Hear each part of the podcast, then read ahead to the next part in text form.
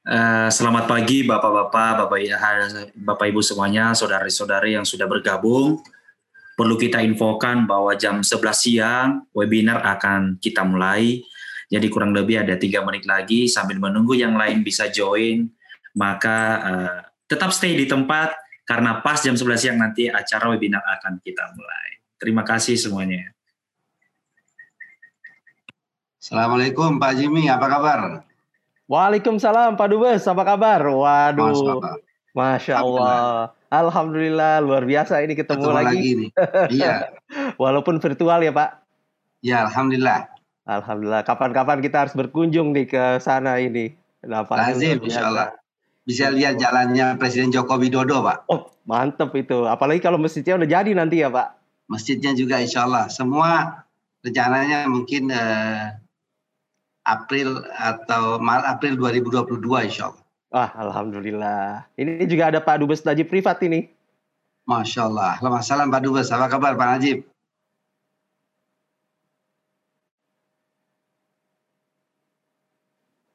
Assalamualaikum Pak Dubes. Saya Najib Pak. Apa Waalaikumsalam. Pak Dubes? Baik, Alhamdulillah.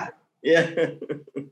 Dulu putrinya ya, Pak Pak Dubes Husin juga di Australia Pak Najib. Kayaknya pas Pak Najib di Dubes di sana kali. Oh begitu ya? Sama sama sama putrinya Pak Mahendra Siregar. Oh Betul. di Melbourne ya Pak? Iya di Monash Pak. Oh di Monash ya Pak? Iya. Iya. Kapan ke Abu Dhabi Pak Najib?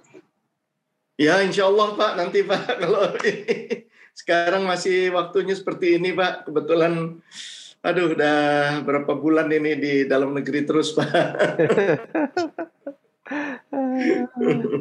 insya Allah kalau udah vaksin aman semua lah, Pak. Betul, Pak. Insya Allah. Insya Allah. Insya Allah. Dan iya. kayaknya yeah. perkembangannya juga untuk vaksin kayaknya bagus ya. Aduh, Alhamdulillah. Ya. Alhamdulillah. Kayaknya kita boleh mulai mungkin, Mas Memo. Silakan, Pak. Oke. Berarti mohon izin Pak Duta Besar, Pak Jimmy, berarti bisa kita mulai Pak? Mohon izin. Silakan. Baik, karena waktunya dari tadi kita sudah infokan bahwa jam 11 siang acara akan segera kita mulai. Jadi karena waktu sudah menunjukkan jam 11 siang, maka kami sapa semuanya. Assalamualaikum warahmatullahi wabarakatuh. Waalaikumsalam. Selamat siang, salam sejahtera untuk kita semuanya. Om Swastiastu, Namo Buddhaya, salam kebajikan yang terhormat dan yang tadi sudah berbincang ya Duta Besar Republik Indonesia untuk Uni Emirat Arab Bapak H. Husin Bagi selamat siang Pak selamat senang siang. senang Bapak bisa mengisi acara webinar orbiting dan bisa berdiskusi dengan teman-teman orbiters ini dan juga yang terhormat founder dan CEO Orbiting Indonesia Bapak Jimmy Gani dan yang terhormat juga yang tadi sudah berbincang Bapak Duta Besar Najib Pripat Kusuma yang juga memang hadir di tengah-tengah kita untuk ikut bergabung mengikuti webinar hari ini. Dan yang kami hormati Bapak Ibu, saudara-saudari yang tidak bisa kami sebutkan satu persatu yang sudah bergabung dalam webinar ini. Kami sangat berterima kasih bahwa Bapak Ibu, saudara-saudari semuanya sudah hadir tepat waktu dan sebelumnya kami infokan sebelum webinar ini dimulai agar webinar ini bisa berjalan dengan baik ada beberapa rules atau aturan yang perlu kami sampaikan kepada Bapak Ibu, saudara-saudara semuanya untuk bisa kita ikuti bersama agar webinar ini bisa berjalan dengan baik. Yang pertama nanti ketika nanti Pak Duta Besar kita memberikan materinya atau memberikan diskusi kepada Pak Jimmy Gani nanti, maka peserta webinar boleh menyampaikan pertanyaannya dulu dalam chat ya, dalam chat Kemudian nanti ketika selama pemateri menyampaikan materinya, maka Zoom eh, Bapak Ibu semuanya akan kita mute otomatis supaya tidak mengganggu atau menimbulkan suara-suara yang mengganggu eh, webinar nanti. Dan nanti setelah masuk kepada sesi diskusi Bapak Ibu, pertanyaan tadi yang sudah tertulis di dalam chat publik di dalam Zoom akan kita bahas satu persatu ketika masuk sesi diskusi. Dan perlu kami sampaikan bahwa pertanyaan yang duluan tertulis di dalam chat, maka itu yang akan duluan dibahas. Jadi berdasarkan urutan ya Bapak Ibu semuanya. Dan yang terakhir, peserta dilarang membuat keributan, baik yang disengaja maupun yang tidak disengaja.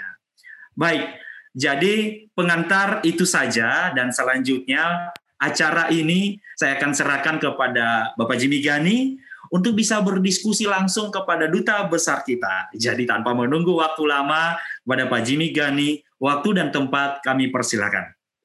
Terima kasih Mas Memo. Bismillahirrahmanirrahim. Assalamualaikum warahmatullahi wabarakatuh. Waalaikumsalam warahmatullahi wabarakatuh. Semangat pagi. Semangat pagi, Pak. Salam sejahtera untuk kita semua yang terhormat Pak Dubes Husin Bagis, yang saya hormati Pak Dubes Najib Rifat Kesuma, Bapak-bapak, Ibu-ibu yang saya tidak bisa sebut satu persatu. Terima kasih sudah berkenan hadir dalam sesi berikutnya dari Ambassador Talk. Hari ini uh, hari yang spesial nih karena uh, apa kita bertemu dengan teman lama saya Pak Husin Bagis, masya Allah uh, saya kenal udah 10 tahun yang lalu beliau orang yang sangat energik yang sudah malang melintang pada saat itu di Kementerian Perdagangan dan sudah beberapa kali jadi uh, atase perdagangan dan alhamdulillah uh, apa berkat kegigihan beliau dan prestasi beliau uh, pada tahun 2016 uh, Pak Husin Bagis diangkat oleh Presiden, uh, ditunjuk oleh Presiden sebagai Duta Besar Republik Indonesia untuk Uni Emirat Arab. Satu prestasi yang luar biasa. Tapi prestasinya tidak uh, stop di situ karena beliau berhasil melakukan terobosan-terobosan. Saya tahu persis saya bekerja bareng sama Pak Husin Bagis uh, beberapa tahun lalu dan beliau ini salah satunya walaupun waktu itu udah kembali ke Indonesia masih juga uh, berhasil mendatangkan investasi ke Indonesia yaitu Lulu Supermarket. Saya ingat persis itu Pak Dubes. Luar biasa sampai kalau kita lihat sekarang sepak terjangnya luar biasa hubungan uh, kita makin erat dengan Uni Emirat Arab. Yang terakhir itu beritanya adalah bahwa uh, even nama Pak Jokowi pun diabadikan sebagai sebuah nama jalanan itu luar biasa. Saya juga pengen tahu nih. Kita panggil dulu Pak Husin Bagis. Uh, kita tepuk tangan untuk Pak Husin Bagis luar biasa ini. Pak Dubes, apa kabar Pak Dubes? Baik, Alhamdulillah. Sehat walafiat semua Pak.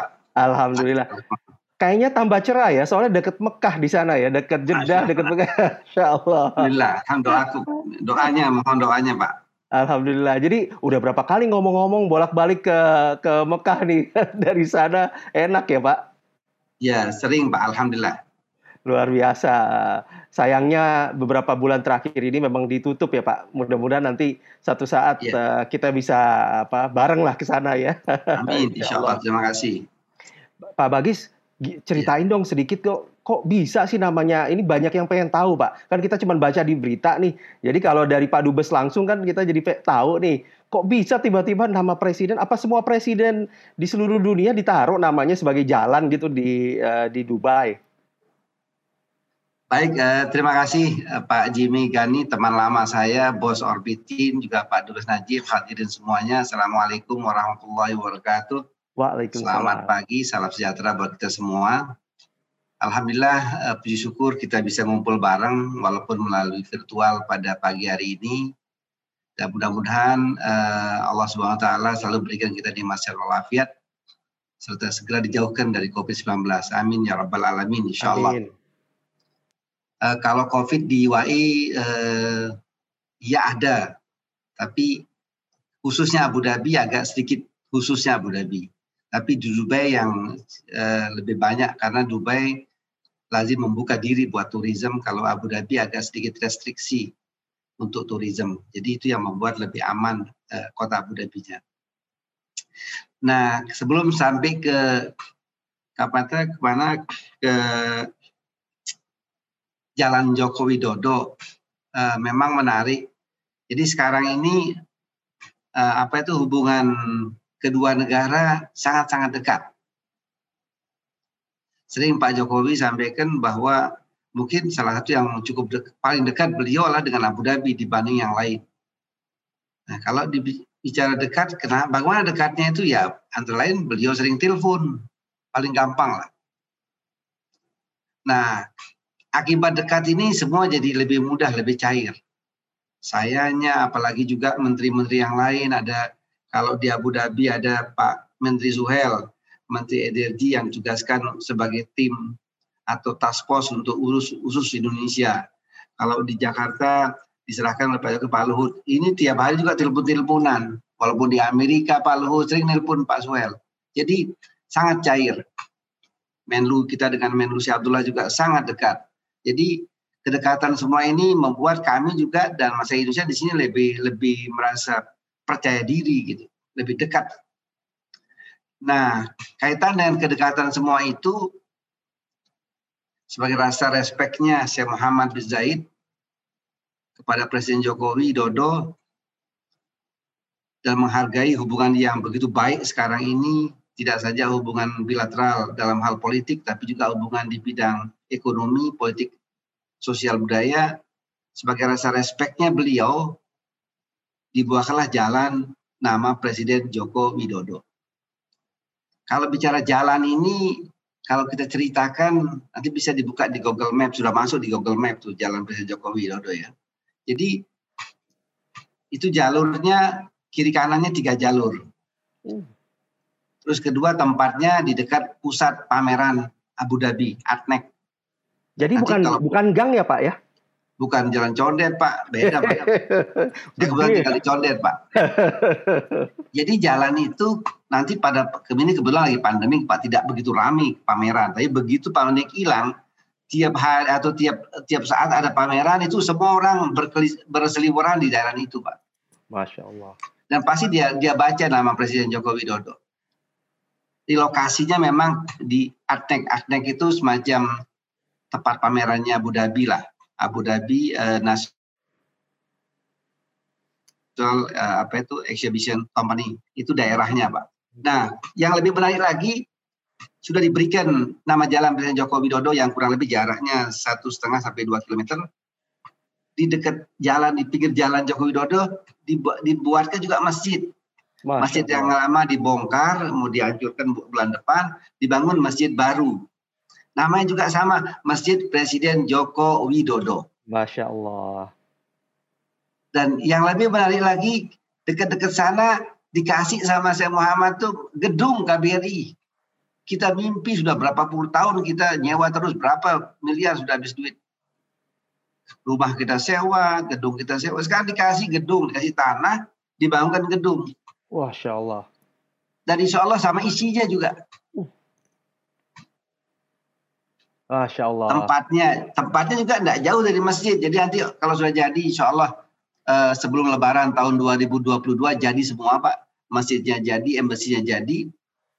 Jadi orang-orang di KBRI kalau mau sholat duhur, sholat maghrib, bisa ke Masjid Joko Widodo Pak. Ya Allah, Wah, Alhamdulillah. Seneng banget dengarnya. Ya, jadi, sekali buat saya saya merasa bangga dan terharu pak. Iya. Iya. Nah cuman kedekatan ini yang dipertanyaan sekarang tidak banyak bisa dioptimalkan oleh kita semua di Republik Indonesia. Iya. Padahal ya. harusnya ini peluang besar, tidak mudah pak. Iya. Sebab kan negara ini negara yang walaupun dibilang apa itu eh, presidensial, tapi tetaplah negara Arab itu kebanyakan kan monarki pak. Artinya begitu dekat dengan rajanya atau penguasanya dengan yang lainnya jadi cair pak itu ya. di mana-mana seperti itu tapi belum optimal kita uh, manfaatkan kedekatan ini. Ini tantangan kita semua terutama para pengusaha. Nah ini bicara masalah uh, jalan. Kalau bicara masalah UAE pak. Ya.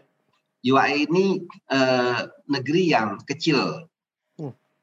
kira-kira kayak Bali lah. Tapi dari dari negeri yang kecil ini dia menggabungkan beberapa kota negara-negara kecil zaman dulu lah. Namanya Emirat, ada namanya Dubai, namanya Sarja, Ras Al Khaimah, Fujairah, Al Ain, Ajman dan sebagainya. Ada tujuh pak sama Abu Dhabi. Nah dari tujuh Emirat ini yang paling besar itu namanya Abu Dhabi. Kira-kira dia punya tanah itu 80 persen. Yang 20 persenan kurang lebih dibagi ke email-email yang ke Dubai, Ajman dan lain sebagainya. Nah negeri ini kecil, kenapa dikatakan kecil? Ya memang wilayahnya kecil, penduduknya juga tidak banyak.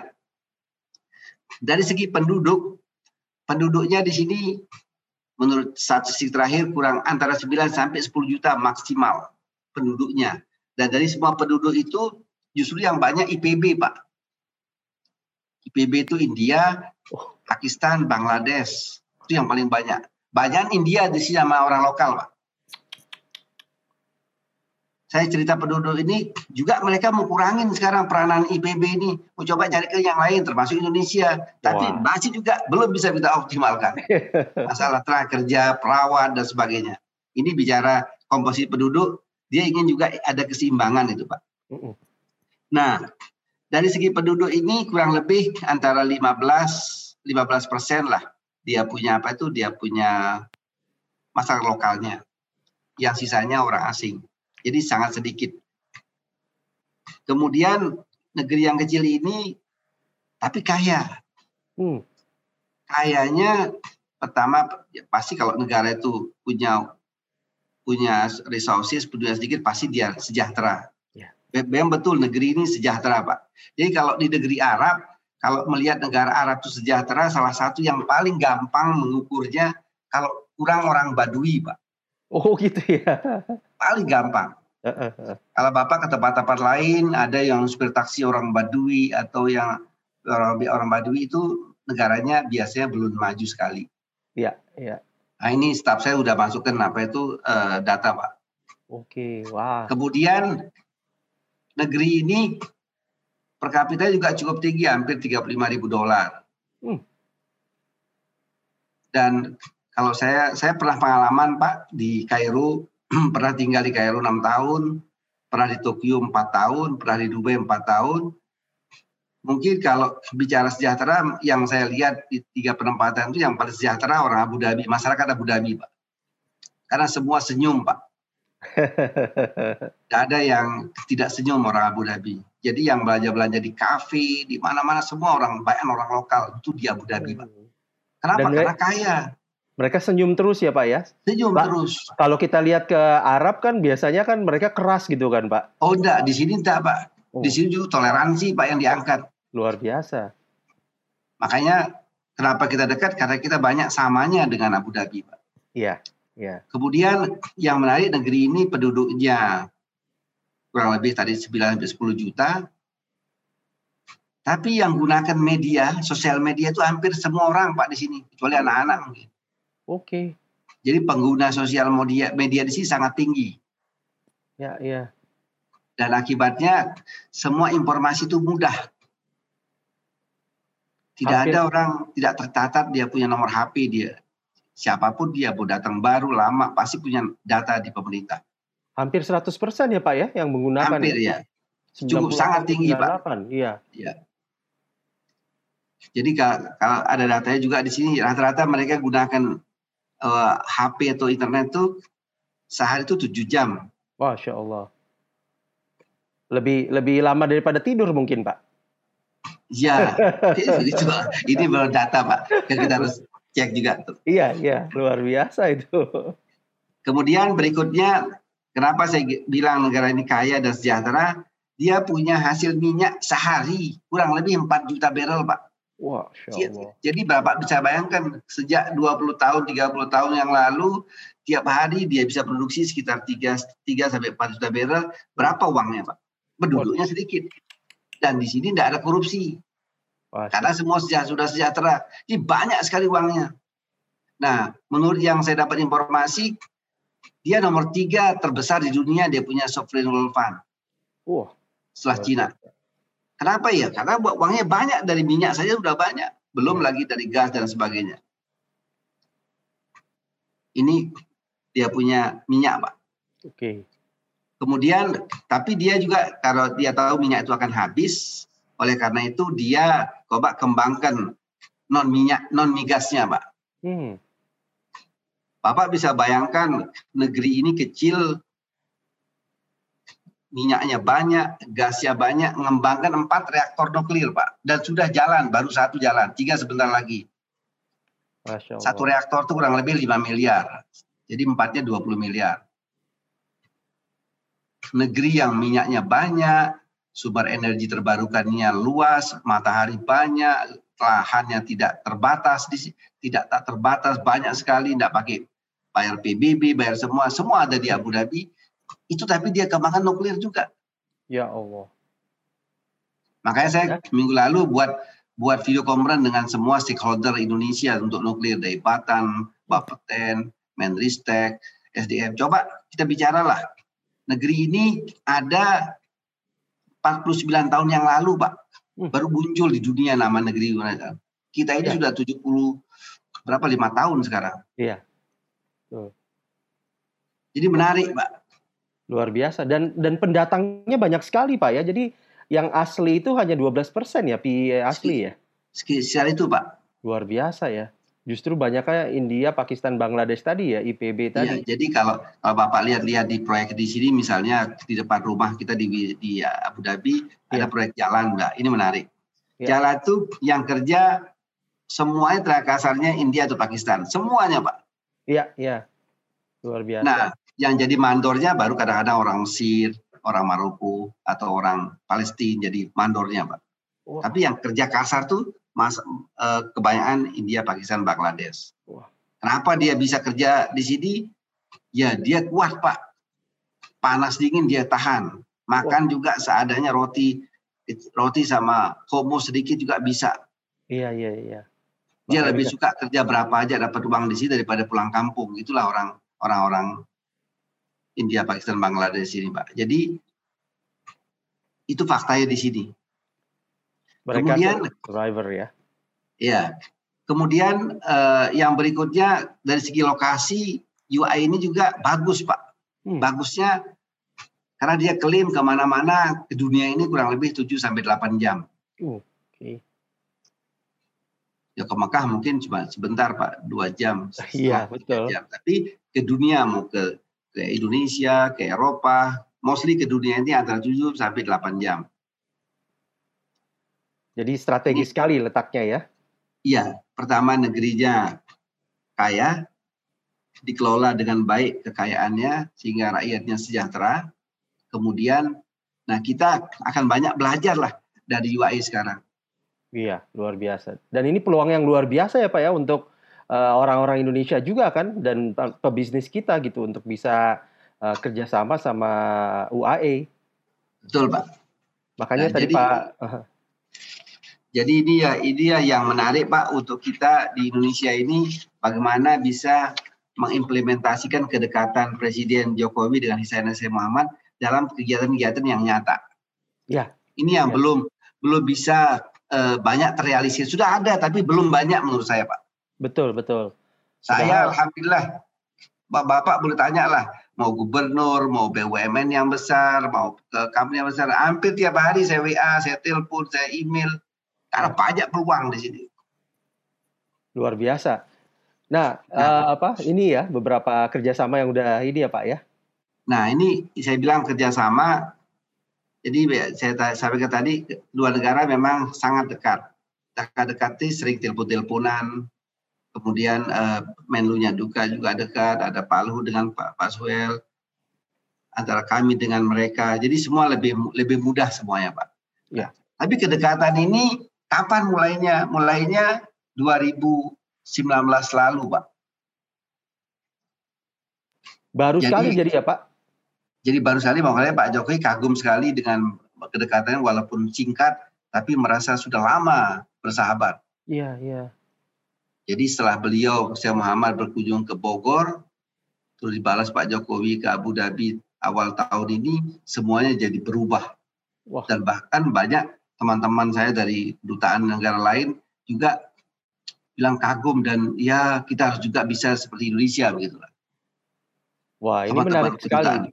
Iya. Menarik ya. sekali Pak, apa karena uh, tadi kan kedekatan uh, kedua pemimpin, kedekatan kedua negara dengan kesamaan-kesamaan uh, apa uh, perilakunya dan seterusnya, apalagi tadi ada ada uh, keinginan untuk mengurangi juga kan peran serta yeah. daripada negara-negara yang lain, terutama warga negaranya IPB tadi gitu.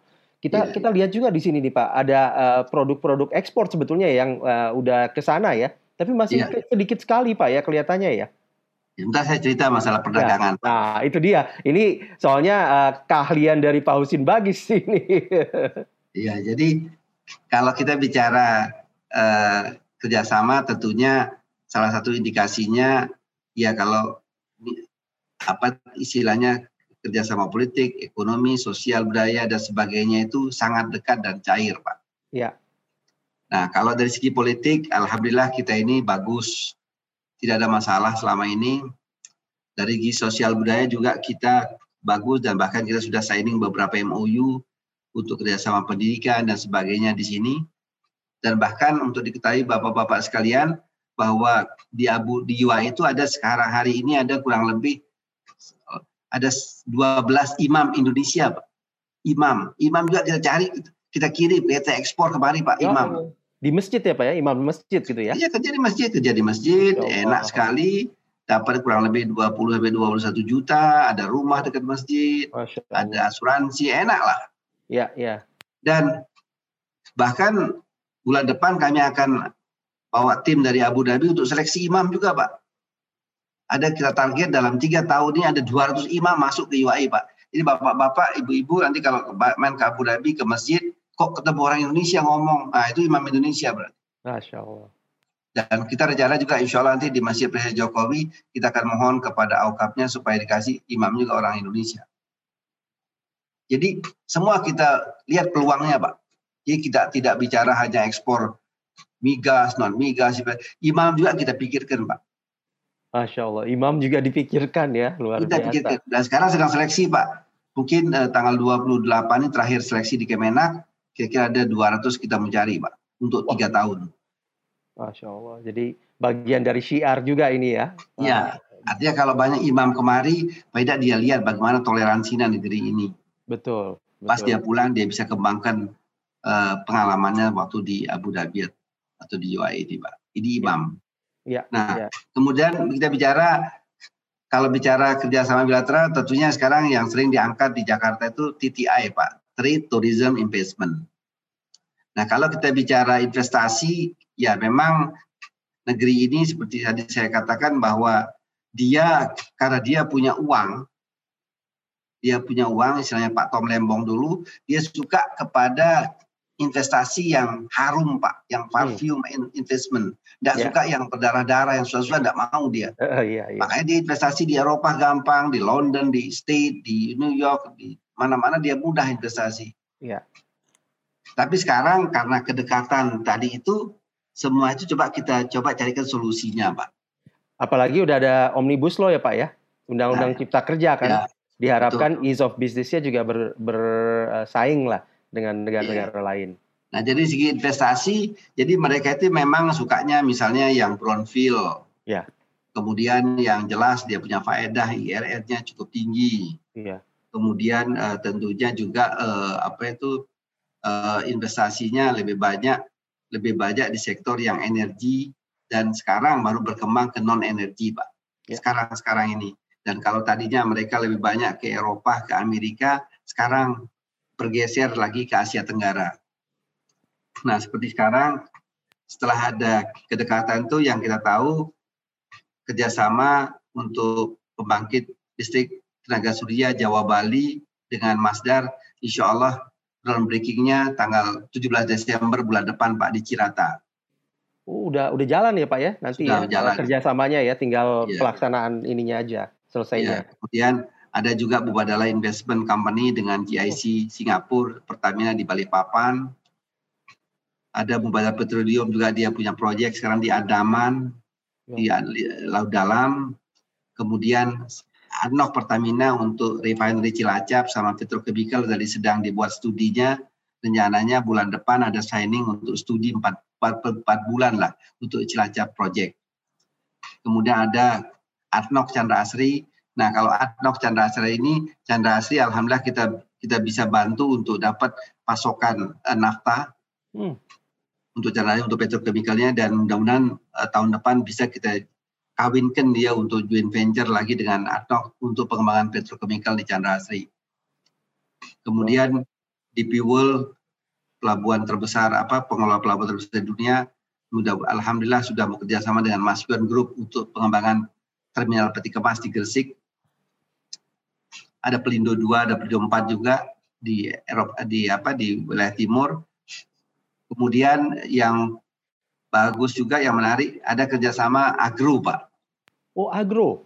Jadi Pak Jokowi sudah minta kepada uh, bagaimana kita bisa kerjasama di food security. Nah, bagus, nah ya. kita akan uji coba kecil proyeknya Pak Elit ini salah satu perusahaan uh, agro di Abu Dhabi. Dia kita mau coba kembangkan di Balitbangnya Kementan Lembang Pak. Tidak besar Pak. Ya. 10 hektar, tidak 15, 20 hektar. Tapi itu awalnya Pak. Pilot awal aja ya Pak. Usaha, nah baru dia akan langsung lihat ke Kalimantan Tengah. Kita lagi coba negosiasi ke Kementan sama ke BUMN eh, kira-kira siapa yang bisa melihatkan kita lokasi yang memang potensial di Kalimantan Tengah. Ini ini yang apa itu yang pertanian dan banyak dia cari juga. Ada juga perusahaan di Dubai Al dia tertarik juga untuk investasi di gula. Karena saya selalu kembangkan di teman-teman investor di UI ini bahwa Indonesia itu kita itu masih masalah dalam impor, terutama impor pangan. Yeah. Kita impor bawang putih, kita impor soybean, kita impor gula, beras juga kurang lebih 4 sampai 5 miliar tiap tahun. Padahal kita negerinya banyak tanah, lahan. Ya. Nah ini sering saya sampaikan sama mereka. Nah akhirnya mereka tanya, oh oke mana tanahnya? Siapkan kita. Dengan siapa kita kerjasama itu aja masih masalah Pak. Iya, iya. Tanah banyak di Republik, coba yang punya siapa? Kalau Bapak Pak Pak Ji Pak Ji ini juga punya uang 10 biliar dolar mau investasi di sektor agro, tentu harus pasti loh. Iya. Tanahnya berapa luas, sekian Oke, saya kerjasama apa dengan swasta, apa dengan siapa, tidak bisa dengan masyarakat. Betul. Ya, harus ada kepastian. Ada itu yang selagi di, lagi disiapkan oleh kita sekarang di Indonesia. Dengan siapa mereka mereka nanti investor itu kerjasama di sektor agro. Hmm. Jadi banyak peluang itu Pak. Kemudian kita juga ada kerjasama, Bapak bisa bayangkan negeri ini tidak punya bauksit, tapi ya. dia sudah bisa ekspor aluminium kelas dunia ke Jepang Pak. Insya Allah. Termasuk ke Indonesia. Nah kita sekarang mau kerja sama dengan Inalum. Tidak besar proyeknya, tapi kita buat, kita kawinkan dulu sementara Pak. Untuk nanti buat, bisa buat smelter yang lebih besar. EGA ini Emirat Gulf Aluminium Pak. Salah satu yang terbesar di Afrika Timur Tengah Pak. Oke, iya, iya. Nah yang tadi Pak Pak Jim bilang kita juga lagi menunggu Indonesia Sustainable Fund ini. Ya. Jadi komitmennya kita dengan mereka begitu sudah ada ini kemudian sudah ada peraturan pemerintahnya ya kalau setelah ada dua PP untuk menunjang itu mudah-mudahan banyak nanti investasi yang lebih mudah kita kelola ya. karena melalui basket dana dalam World Fund ini ada mungkin dari Abu Dhabi, Amerika, Australia dan sebagainya banyak bisa digunakan untuk investasi di Republik Indonesia. Ini bicara investasi. Kemudian kalau bicara perdagangan. Perdagangan ini selama tiga tahun terakhir sebenarnya kita selalu defisit Pak. Kalau saya buat rata-rata kita punya total perdagangan kurang lebih tiga tahun terakhir sekitar tiga setengah miliar dolar. Dari tiga setengah miliar dolar ini, mostly kita ekspor satu setengah kurang lebih satu koma enam setengah, kita impor dua miliar. Jadi ada defisit kurang lebih 500 juta dolar. Nah ini nggak gampang 500 juta, nggak sedikit uang Pak. Iya betul. Jadi kita betul. coba cari semua cara, uh, tidak saja membantu pengusaha lain untuk bisa mengekspor lebih banyak ke UAE, tapi juga uh, apa itu kita uh, istilahnya bagaimana bisa menjual produk-produk yang bernilai tinggi. Kalau nggak gitu sulit nanti. Ya kayak misalnya kita coba lagi kembangkan jual pesawat, jual kapal-kapal apa kapal frigat dari PT PAL, jual pelataran militer yang punya nilai besar, Pak. Itu kita coba lakukan. Tentunya juga yang lain-lain kita ter, kita coba kembangkan. Ini tantangan kita, Pak. Karena seperti tadi di Dubai itu uh, dia salah satu hub di Afrika Timur Tengah itu Dubai. Kenapa dikatakan hub? Jadi contohnya begini, Pak dia penduduknya sedikit, dia tidak mungkin dia beli barang, dia konsumsi sendiri tidak mungkin. Pasti ya. dia juga reekspor. Nah, dia semua fasilitas ekspor itu tersedia di Dubai atau di Abu Dhabi. Ada Jabal Ali Free Zone, pokoknya menarik lah di sini orang orang kalau mau reekspor dari Dubai bahwa kita bisa ekspor ke Iran dan yang menarik misalnya kita mau ekspor ke negara yang lagi perang. Ya. Kalau kita ekspor ke Somalia atau tempat yang lagi perang sulit pak LC nanti bayarnya gimana? Lewat Dubai sebuah halal, semua bisa. Ini lebihnya Dubai, Pak. Dan sebagai financial hub juga di sana, jadi enak tadi Pak ya, untuk ya. segala macam gitu. Itu hak, itu dia punya hub. Nah memang kalau bicara Dubai ini kita punya dia istilah saya bagaimana dia bisa kita lakukan ekspor dengan daya saing yang tinggi itu tantangannya, Pak. Iya. Kalau yang oke okay lah pajak dan sebagainya more less kurang lebih sama lah dengan negara lain, tidak ada yang istimewa, tapi daya saing itu penting. Iya. Apa saja? Kita ambil contoh misalnya, ya kalau bicara kita ada ekspor ke Dubai ke UAE itu ada perhiasan dari Jawa Timur. Kita ada ekspor uh, mobil, ada Innova, ada Avanza, yang gitu-gitu ada kita ada peralatan listrik, kita ada kirim minyak goreng, ada TPT juga ada, kemudian ada mesin-mesin, ada kertas, sabun dan sebagainya, Pak. Ya. Nah, sementara yang di, diikuti oleh UKM kita masih kecil. Kenapa masih kecil? Ya itulah masalahnya kata daya saing gitu. Daya saingnya. Apa ya. saja yang kita bisa buat. Sekarang kita bisa buat barang X yang dibuat oleh UKM. Satu barang itu laku di Dubai misalnya, karena harganya murah dan sebagainya.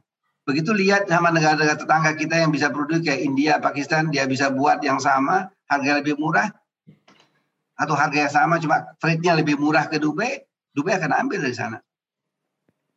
Ini ini tantangan kita untuk perdagangan, Pak. Jadi bagaimana pemerintah harus bisa lebih meningkatkan daya saing. Mhm. Nah, daya saing ini tidak bisa langsung hanya diserahkan kepada pelaku usaha itu sendiri. Harus banyak keterlibatan. Ya.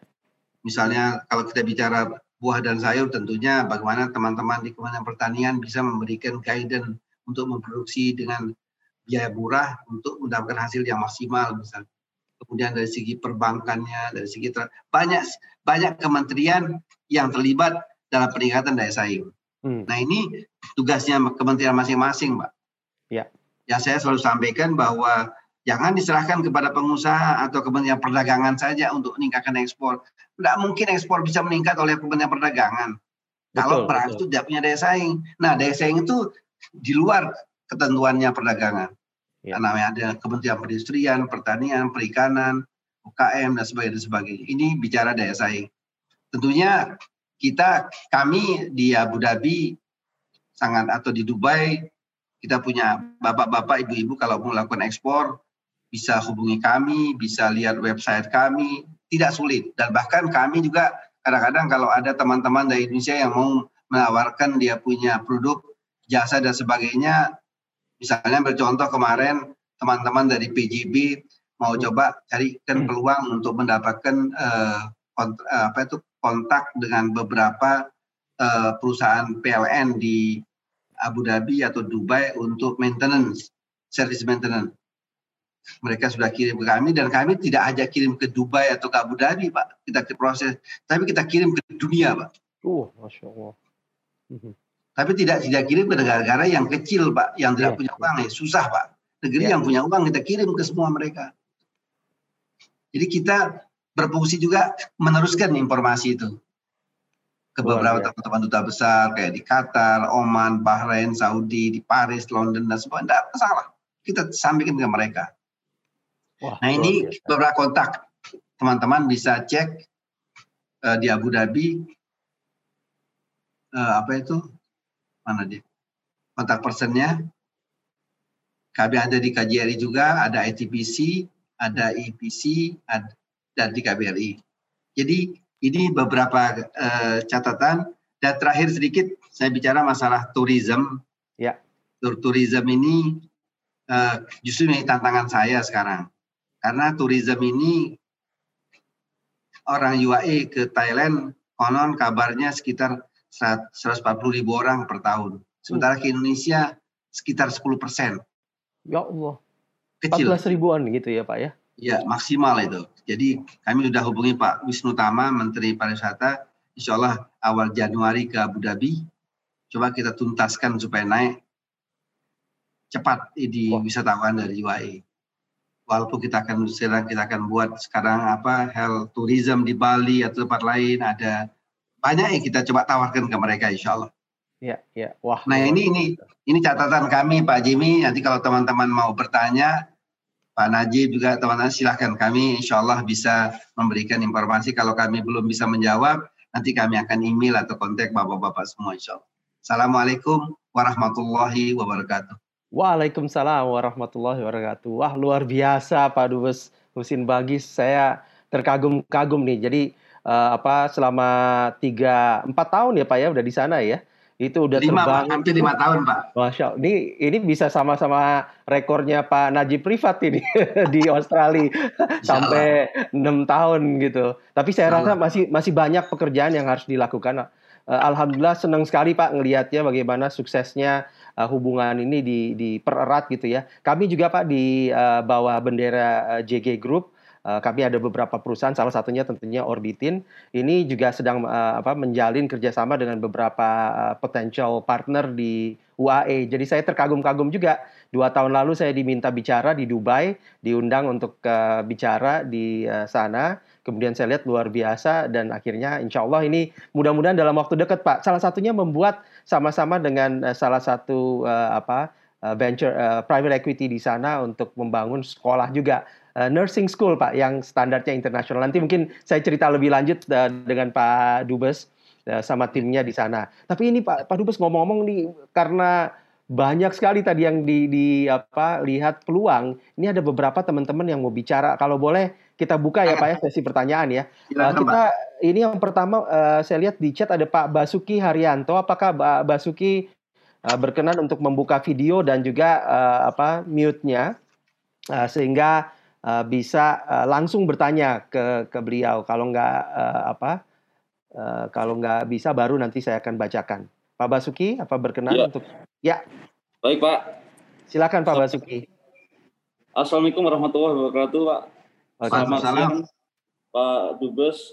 Siap. Uh, saya Basuki dari PT Wijaya Karya Industri Energi Pak. Kami anak perusahaan BUMN Wijaya Karya yang khusus uh, membidangi uh, produk-produk renewable energy Pak seperti solar panel, solar water heater dan sebagainya. Nah, yang ingin kami tanyakan Pak, kira-kira kalau kami ini uh, ingin masuk sebagai EPC company yang ber, berkaitan dengan tenaga surya di Uni Emirat Arab, ini kira-kira persyaratan apa saja yang harus dipenuhi ya Pak? Uh, soalnya mungkin standar uh, dan lain-lain mungkin berbeda dengan uh, persyaratan yang ada di Indonesia, Pak? Atau mungkin uh, lebih mudah atau mungkin lebih uh, tingkat kesulitannya mungkin lebih tinggi dan sebagainya. Mohon pencerahan dan arahannya, Pak. Terima kasih. Assalamualaikum warahmatullahi wabarakatuh.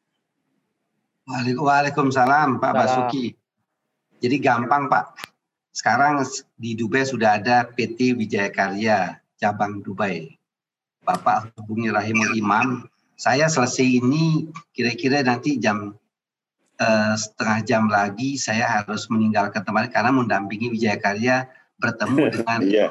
satu Al Qudra, yeah, satu kontraktor iya, besar. Iya, yeah, Pak. Uh, mohon maaf ya Pak, uh, yang Wijaya Karya yang ada di sana itu induk kami Pak, itu memang yes. departemen luar negeri. Maksud maksud yeah. kami, uh, misalkan uh, perusahaan kami perusahaan anak Pak, misalkan kalau uh, langsung masuk mungkin persyaratannya uh, seperti perusahaan-perusahaan EPC luar negeri yang lain ya Pak.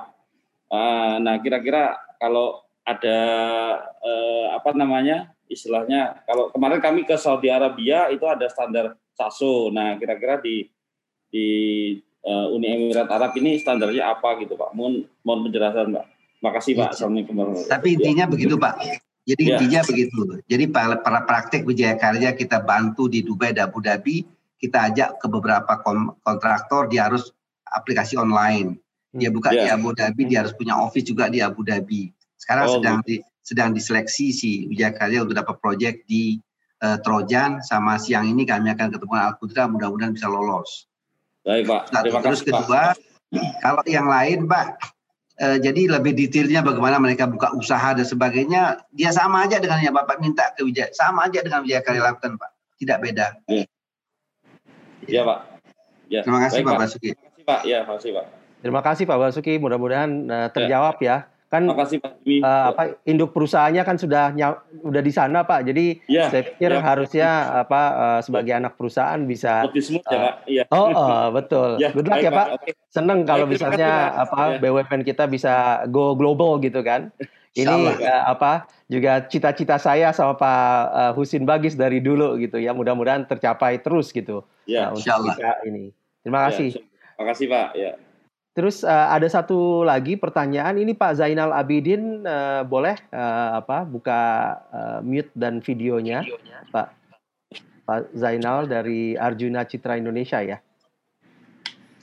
Ini menanyakan peluang mengenai keripik buah dan sayur di uh, UAE. Silakan Pak Zainal. Ya sebelumnya perkenalkan dulu nama saya Zainal, saya dari PT Arjuna Citra Indonesia itu merupakan manufaktur uh, keripik buah dan sayur menggunakan teknologi foam frying sehingga tidak dapat mengurangi nutrisi pada sayuran dan buah tersebut. Hmm. uh, saya ingin bertanya uh, bagaimana peluang di UAE terkait keripik buah dan sayur. Ya, ya. itu aja pertanyaannya Pak Zainal. Iya. Ya. Oke. Pak Dubes bisa. Jadi begini Pak Zainal, istilah hmm. saya kalau bicara ekspor ke Dubai itu apa saja bisa diekspor apa saja Pak. Istilah hmm. saya dulu kalau saya memberikan arahan di Jakarta, kalau bulu mata kita itu dipotong sedikit-sedikit semua dikumpulin dijual berapa ton itu bisa dijual di Dubai. Itu hmm. di Dubai Pak. Nah apalagi yang begini keripik buah sayur insya Allah bisa. Makanya caranya nanti Bapak tadi ada saya kasih kontak person ITPC Dubai, Bapak bisa email ke dia, Bapak bisa tawarkan ke mereka. Itu yang pertama. Yang kedua, di Jakarta itu ada empat lulu sekarang Pak. Lulu ini dia uh, punya kurang lebih 170-an, saya lupa, kurang lebih di dunia. Jadi Bapak bisa menawarkan baru Bapak ke Lulu Jakarta, masuk ke Lulu Jakarta, nanti bisa kontak staf saya, nomor teleponnya Lulu Jakarta. Kalau masuk Lulu Jakarta, masuk Lulu Dunia, Pak. Jadi pertama pertama tadi Bapak hubungi kantor kami di Dubai melihat TPC, Bapak bisa sampaikan tawarkan semua produk Bapak. Kedua juga Bapak bisa langsung pasarkan ke Jakarta. Masuk lulu, masuk ke dunia. Itu itu cara mudah untuk lakukan ekspor. Jadi melalui dua jalur, Pak. Karena barang Bapak itu masuk barang yang ke departemen apa ke hipermarket, jadi bisa masuk juga ke lulu. Jadi bisa. Yang penting sesuai standar yang diinginkan oleh lulu Jakarta. Insya Allah bisa, Pak. Terima kasih Pak Zainal. Terima kasih Pak Zainal. Kalau berkenan besok juga kita ada webinar Pak bersama bersama Aprindo, Asosiasi Pengusaha Retail Indonesia. Kebetulan saya wakil ketua umum di sana juga dan kita akan bicarakan uh, dengan teman-teman bagaimana UKM ini bisa go global gitu, masuk dalam global value chain. Salah satu uh, adalah melalui uh, seperti yang tadi Pak Dubes uh, Husin Bagi sampaikan, uh, masuk ke dalam retail chain yang nantinya akan uh, apa uh, membuat memungkinkan untuk mereka masuk juga di chain yang di, ada di luar negeri. Kayak Lulu itu kan mereka asalnya kan memang di, dari uh, apa dari uh, UAE ya Pak. Jadi ya. masuk ke situ berarti ke, kemungkinan untuk masuknya ke uh, sana itu uh, bagus sekali gitu. Saya tahu persis itu Pak Dubes Husin Bagis yang bekerja keras untuk uh, bisa uh, apa membuat Lulu ada di uh, Indonesia gitu. Sekarang udah empat ya Pak Dubes rupanya ya kita punya target Pak Pak Jimmy ya. dalam dua tahun ini ada 50 di Pulau Jawa Pak. Masya Allah luar biasa. 50 jadi semua tempat di Solo, di Surabaya, di Semarang, di semua tempat lah di kota-kota besar di Pulau Jawa kita akan buat 50 Pak. Luar biasa. Dalam dua tahun. Nanti kita minta mereka aktif juga Pak. Kayaknya mereka belum aktif di Aprindo, tapi insya Allah uh, nanti kita ajak juga gitu untuk Bisa. mereka aktif. Oke. Okay. Terima kasih Pak Dubes. Ini uh, ada uh, mumpung masih ada waktu nih, soalnya Pak yeah. Dubes ini sibuk sekali. Uh, yeah. Ini ada ya, Pak. ada ada pertanyaan dari Pak Hairul Rahman ini dari uh, Dijen PKP Kemendes PDTT. Apa boleh dibuka uh, mute dan videonya Pak Hairul? Kecuali Pak Hairul nggak bisa, nanti saya bacakan. Oke, uh, kayaknya mungkin beliau uh, nggak bisa. Jadi saya saya ini aja ya. Saya ya. bacakan aja Pak. Assalamualaikum warahmatullahi wabarakatuh Pak Husin. Semoga saya selalu di sana Pak. Izin bertanya Pak, gimana caranya agar BUMDes atau UMKM dapat dapat bekerja sama dengan pemerintah UAE terkait dengan ekspor terlebih ke produk seperti tadi produk buah-buahan, sayuran, rempah-rempah dan produk perkebunan yang mana kita ketahui sendiri Indonesia memiliki potensi produk hasil pertanian sangat banyak Uh, tadi udah dijawab mungkin ya Pak ya dengan uh, bahwa uh, apa uh, masuk ke lulu itu salah satu yang iya. uh, paling mudah ya. Ya artinya saya tambahkan Pak Jimmy ya, jadi untuk Pak Herul Jadi barang-barang apa saja yang kita punya, asal kita memang siap untuk ekspor tuh bisa Pak. Siap Pak. Jangan kita punya punya mangga, punya rambutan, tapi kita punya di rumah-rumah tidak ada pengusaha mangga, pengusaha rambutan atau tidak banyak di Indonesia untuk memproduksi itu. Nah itu katakan tantangan kita Pak. Di mana-mana mangga, musim mangga semua murah. Ya. Tapi tidak banyak perusahaan atau peng, pe, pe, pengelola pengusaha mangga yang yang yang besar di Republik itu. Ini tantangan kita. Jadi silahkan aja kalau begitu Bapak nanti barang-barang Bapak binaan Bapak bisa masuk ke seluruh Jakarta dengan seleksi yang mereka lakukan dari segi dia punya kualitas, dia punya suplai berapa banyak per bulan, bagaimana pricingnya, packagingnya dan semua, dia cocok masuk bisa jadi customer Bapak yang lama. Wah, luar biasa. Jadi ya Jadi itu tidak sulit, Pak. Kita ya. buat kita kita kita dorong dulu buka banyak supaya bisa menjadi jembatan ekspor. Tapi ya itulah kita kadang-kadang susah punya barang yang bisa masuk pasar ekspor, Pak. Betul. Nah, saya pikir ini peluang yang luar biasa. Kita juga di, kembali lagi di retailer Indonesia ini, uh, Pak Dubes uh, izin laporkan juga uh, kemarin uh, minggu lalu itu misalnya Alfamart nggak Pak itu udah ngebuka uh, toko yang ke seribu Pak di Filipina jadi kita juga udah go global gitu kan. Sama waktu itu Sarina mau buka tapi memang kita lebih lambat Pak kalau BUMN gitu ya. Swasta ini udah udah seribu bisa buka di Manila gitu.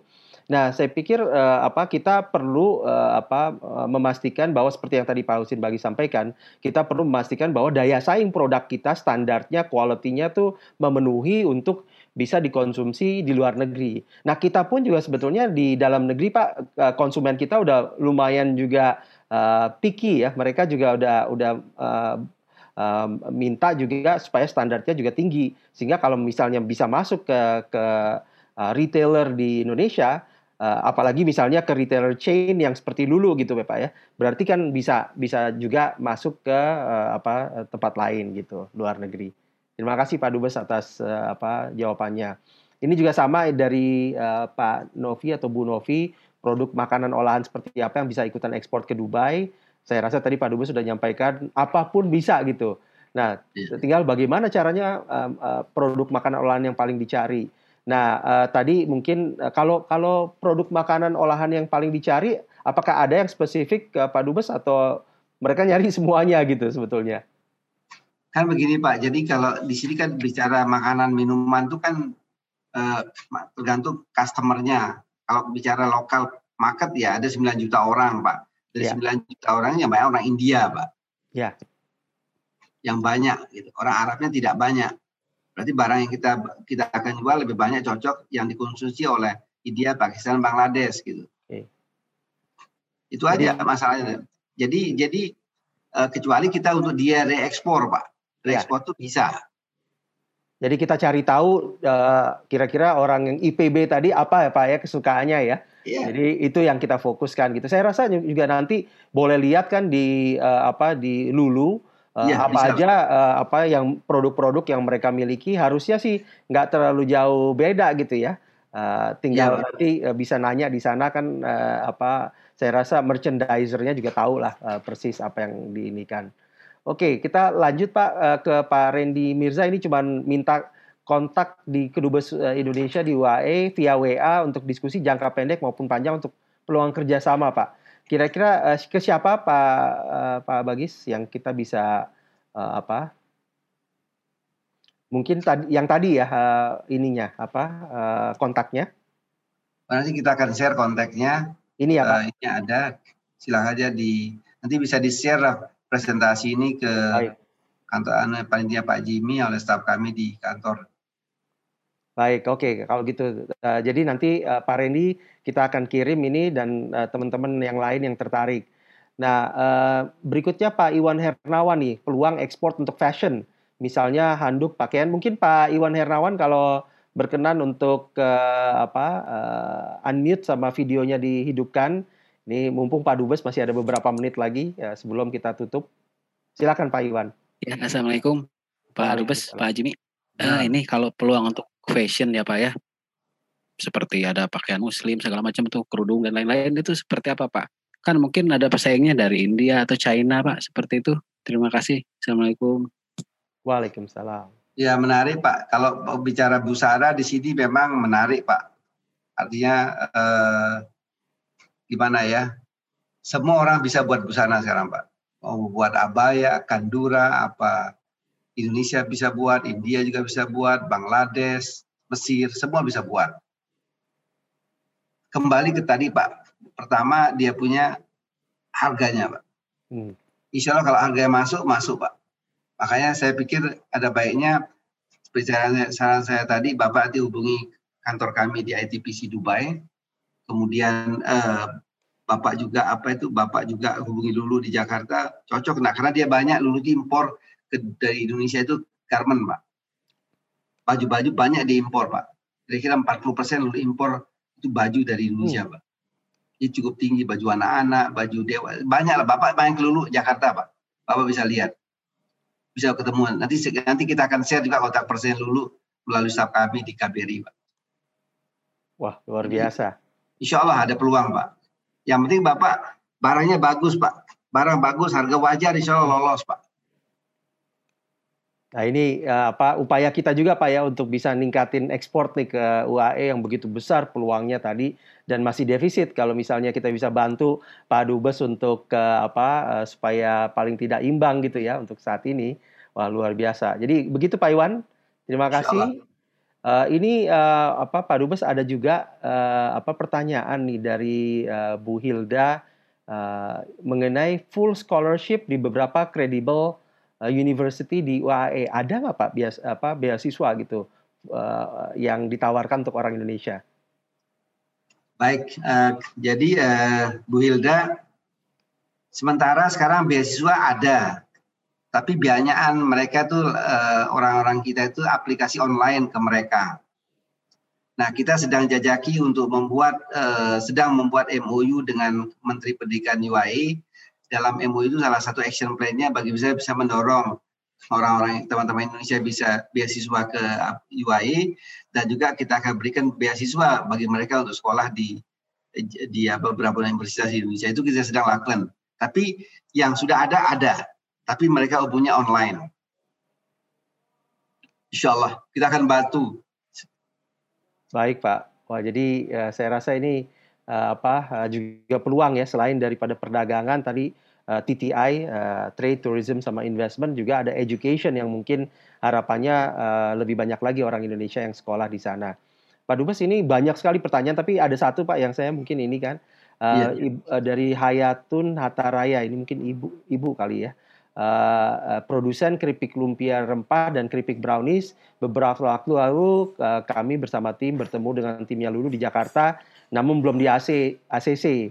Nah ini mungkin uh, apa uh, kalau uh, bisa uh, apa uh, silakan nanti uh, hubungi uh, langsung.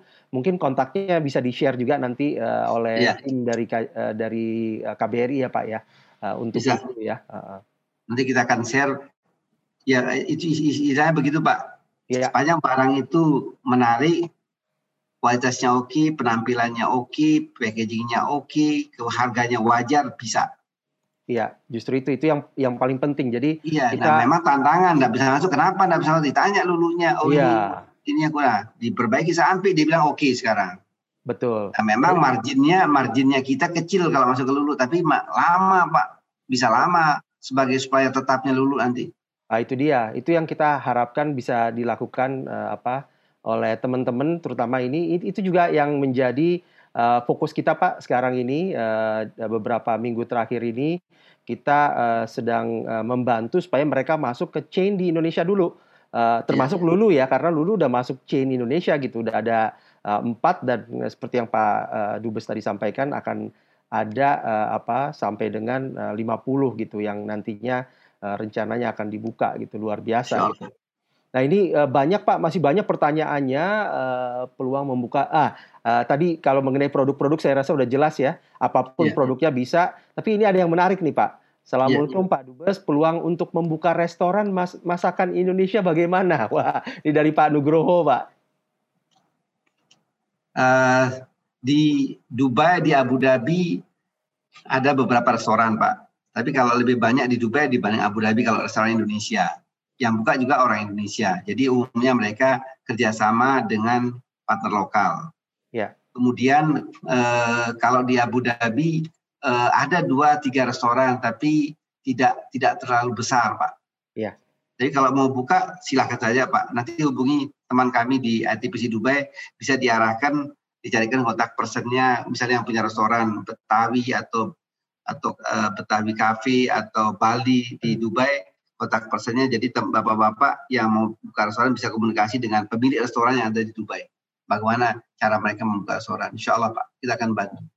Alhamdulillah, saya rasa ini peluang yang baik sekali ya karena uh, hubungan kita kan bagus dengan uh, apa uh, UAE sekarang ini, jadi mungkin juga mereka akan uh, apa begitu ngelihat oh apa jalan Presiden uh, uh, Joko Widodo, kemudian masjid Joko Widodo, Presiden Joko Widodo, mereka akan tertarik untuk makan makanan Indonesia juga mungkin Pak Dubes. Insya Siap. Saya saya mau share juga Pak Pak Dubes kalau berkenan ini jadi um, apa uh, minggu lalu tanggal 11 kita memang ada Hari Retail Nasional bersama uh, perdagangan Pak ada dua menteri sama uh, ketua MPR yang hadir. Nah ini yang besok yang saya cerita Pak Dubes Susin Bagis. Uh, insya Allah kita akan adakan uh, apa uh, webinar uh, bersama dengan uh, FAPRA Federation of Asia Pacific Retailers Association yang merupakan kumpulan daripada asosiasi-asosiasi retailer di seluruh Asia Pasifik. Nanti uh, Pak Jerry yang akan buka dan beberapa pembicara uh, termasuk dari Asian Development Bank dan pelaku pelaku usaha membantu UMKM untuk nanti bagaimana menggunakan uh, retailer lokal sebagai batu loncatan. Jadi mereka bisa masuk ke Alfamart, Indomart, masuk ke ya Tip Top. Saya juga kemudian di Tip Top bisa masuk ke Sarina, bisa masuk ke Matahari dan seterusnya. Eh, kemudian eh, membuka jalan untuk meningkatkan kualitasnya sehingga mereka bisa masuk ke global value chain. Kalau udah masuk lulu di Jakarta atau di di beberapa uh, kota yang lain, tentu ada peluang untuk bisa masuk ke lulu yang ada di Dubai atau di Abu Dhabi ataupun chain yang lain yang ada. Nah ini uh, kita udah mulai lakukan. Uh, besok ada webinar ini silakan dicatat kalau teman-teman berkenan. Kemudian juga uh, apa uh, uh, kita juga akan lakukan pelatihan. Jadi kita uh, ada kerjasama selain daripada Aprindo bersama Orbitin, Aprindo juga kerjasama sama uh, sekolah ekspor yang uh, memang uh, ingin mengangkat uh, UMKM UMKM ini supaya go global dengan uh, tadi uh, meningkatkan standar supaya mereka paham terhadap uh, apa standar yang diharapkan uh, juga uh, permit-permit uh, yang yang uh, harus didapatkan sehingga nanti mereka siap untuk uh, bisa go ekspor. Memang tadi kita uh, step by step tidak bisa langsung uh, apa kita jualan di di warung terus kemudian mau langsung ekspor karena uh, itu almost impossible harus melalui satu tahapan yang uh, apa uh, memadai untuk bisa meningkatkan kualitas dulu. Nah ini nanti akan ada 20 pelatihan selama dua bulan ke depan. Kita juga akan siapkan ada virtual exhibition. Uh, nanti uh, Orbitin juga akan ada di sana. Dan tadi di bawah uh, JG Group dan PFI Group yang saya bentuk 18 tahun yang lalu.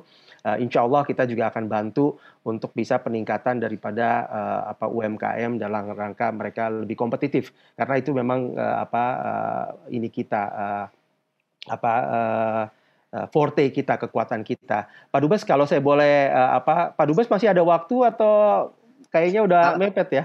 Iya, kalau boleh, karena mau ini Pak ada janjian jam 10-an di Baik. apa tuh di Mudampingi Karya Pak mau kenalkan sama salah satu kontraktor besar di Abu Dhabi undang-undang project Pak. Siap, insya Allah kami doakan Pak. Kalau boleh jadi saya apa simpulkan dulu tadi apa yang Siap. Pak Dubes sampaikan. Yang pertama bahwa luar biasa hubungan uh, Uni Emirat Arab sangat dekat sekarang ini dengan Indonesia. Dalam hanya waktu beberapa tahun terbukti dengan ada jalan raya dan masjid yang nantinya akan menggunakan nama uh, Pak Presiden Joko Widodo. Bahkan jalan rayanya itu uh, ada enam lane uh, apa uh, masuk dan keluar, bukan jalan condet seperti yang tadi disampaikan oleh Pak uh, Dubes uh, Husin Bagis. Nah, uh, tetapi Pak Dubes juga menyampaikan kedekatan RI dengan UAE ini belum maksimal um, dimanfaatkannya karena uh, apa tadi kita tahu bahwa walaupun uh, UAE ini negeri yang kecil yang uh, besarnya mungkin sebali namun luar biasa kaya rayanya dengan GDP per kapita 35 ribu US dollar kemudian ada uh, apa juga mereka sangat uh, apa uh, terkonek dengan uh, apa social media dengan internet 99 persen penduduk UAE menggunakan sosial media. Nah, ini uh, yang kita harapkan perdagangan bilateral ini bisa naik. Uh, uh, sayangnya memang belum kita lihat uh, apa uh, maksimal. Nah, ini saya rasa upaya-upaya daripada Pak uh, Dubes ini luar biasa untuk bisa mengurangi uh, defisit yang memang kita lihat saat ini. Nah, uh, tadi peluang untuk ekspornya banyak sekali, mulai dari buah-buahan, sayuran, rempah, produk perkebunan, makan olahan, perhiasan, furniture, perikanan, uh, kerajinan, uh, dan seterusnya. Bahkan ada uh, Pak Dubes juga tadi uh, cerita mengenai uh, apa uh, ekspor uh, ulama kita uh, apa imam kita gitu ya. Dan uh, tentunya tapi cara tembus pasar UAE ini harus dengan meningkatkan daya saing produk yang akan diekspor. Karena mereka tentu punya juga satu standar yang harus dipenuhi untuk bisa kita masuk. Sehingga kalau misalnya ada standar internasional itu dari uh, apa dipenuhi, insya Allah bisa masuk. Nah, uh, terakhir uh, tadi juga kita bicara tentang beasiswa, uh, ada uh, proses uh, MOU dengan dinas pendidikan di UAE dan uh, apa satu lagi uh, yang tadi kita bahas adalah restoran Indonesia yang ada sekarang ini uh, siap juga uh, berpartner untuk uh, apa untuk buka di sana dengan pengusaha-pengusaha lo lokal. Jadi Pak Dubes terima kasih atas kehadirannya Pak luar biasa. Nanti kita kontak lagi. Uh, saya rasa kalau boleh kita lanjutkan nanti dengan mengundang uh, ITPC dari uh, Dubai maupun juga dari Abu Dhabi. Bisa uh, untuk uh, bicara teknis Pak karena ini sama teman-teman nih mesti teknis nih uh, supaya bisa uh, jalannya dengan baik gitu. Bisa, insyaallah. Mudah-mudahan COVID ya segera usai Pak. Saya juga kangen uh, terakhir uh, ke, Dubai, ke Dubai itu tiga dua tiga tahun yang lalu rasanya mau juga mengunjungi Pak Dubes Husin Bagis nanti dalam waktu dekat. Uh, saya rasa itu uh, dari kami. Terima kasih. Wabillahi taufik walhidayah. Assalamualaikum warahmatullahi wabarakatuh. Terima kasih. Wassalamualaikum warahmatullahi wabarakatuh. Terima kasih Pak Dubes. Terima kasih. Terima kasih. Baik, terima kasih, terima kasih Pak Dubes. Nah, buat Bapak Ibu semuanya, selamat telah menikmati webinar dan diskusi dengan Pak Duta Besar kita. Dan untuk link acara Hari Kamis Aprindo, kita sudah kirimkan di chat.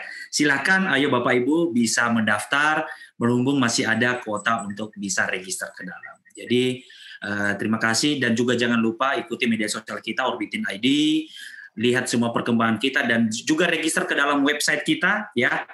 Orbitin ID juga cek di sana platform kita sangat tersedia menyediakan berbagai pelatihan, sharing dan juga memfasilitasi produk Bapak Ibu untuk bisa masuk ke dalam platform kita. Jadi kontak kita juga silakan hubungi kita Orbitin ID dan kita selalu siap untuk bisa kerjasama kolaborasi demi untuk memajukan UMKM Indonesia dan dan bahkan bisa go ekspor.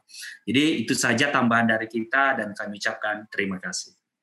Terima kasih Mas Mimo. Terima kasih Baik. Pak Dubes. Terima kasih. Assalamualaikum. Waalaikumsalam. Sukses uh, meet, sukses meetingnya dengan Wika dan teman-teman di sana Pak. Terima kasih. Assalamualaikum. Waalaikumsalam. Waalaikumsalam Pak Dubes. Terima kasih Bapak-bapak, Ibu-ibu hadirin sekalian. Kita lanjutkan lagi ya. Next webinar kita adalah seperti yang tadi Mas Memo sampaikan, uh, jangan lupa untuk register. Memang besok pakai bahasa Inggris karena pembicara-pembicaranya ini pembicara-pembicara internasional dari Asian Development Bank akan bicara tentang gimana uh, research mereka untuk bisa uh, masuk ke global value chain. Uh, bukan hanya ekspor yang sedikit-sedikit aja, tapi uh, ekspornya bisa uh, apa sekaligus uh, apa uh, banyak.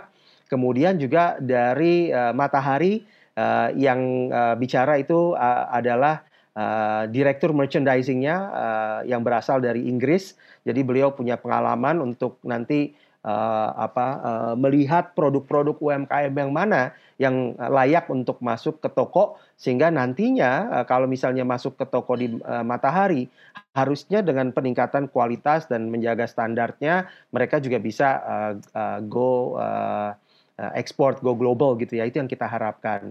Nah juga ada Pak Wiwi yang nanti akan uh, bicara mengenai bagaimana outlook retail dan juga bagaimana uh, apa uh, peran serta UMKM di dalam situ. Kemudian uh, terakhir kita juga akan uh, dengarkan uh, tentunya Pak Edu yang uh, JDID yang akan bicara mengenai uh, pengalaman uh, China yang berhasil untuk bisa masuk ke uh, ber, berbagai negara. Jangan khawatir Pak, uh, apa uh, bahasa Inggrisnya nanti kita campur-campur lah kalau dibutuhkan gitu ya. Saya yang akan host nanti uh, apa uh, untuk acara besok. Kita tunggu dan nantikan juga acara-acara uh, lainnya uh, di uh, Orbitin. Jangan lupa visit juga uh, website kita yang memang diperuntukkan uh, untuk UMKM agar meningkatkan daya saing seperti yang tadi Pak uh, Husin Bagis sampaikan. Jadi uh, pengalaman kami uh, dalam uh, PFI dan Jimmy Gani Group selama 8, hampir 18 tahun terakhir membantu perusahaan-perusahaan besar untuk bisa meningkatkan daya saing. Ini yang kita ingin gunakan dalam rangka meningkatkan daya saing dari UMKM dengan cara yang lebih uh, apa lebih uh, kompetitif dengan terjangkau sehingga uh, UMKM pun bisa juga uh, meningkatkan standarnya menjadi standar yang uh, bisa bersaing gitu ya uh, daya saingnya meningkat. Saya rasa itu kalau misalnya nanti ada pertanyaan atau apa silakan di chat ke kita. Mas Memo udah kirim juga kontaknya Orbitin ya. Siap, kalau sudah Pak.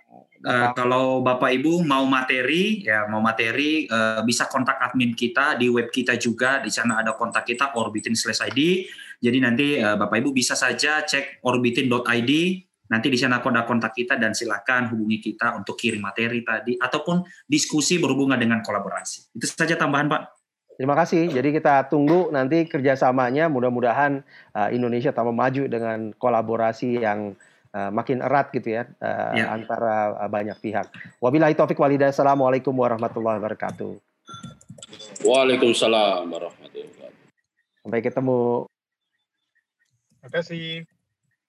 Waalaikumsalam warahmatullahi wabarakatuh. Terima kasih. Terima kasih Pak. Waalaikumsalam. Waalaikumsalam.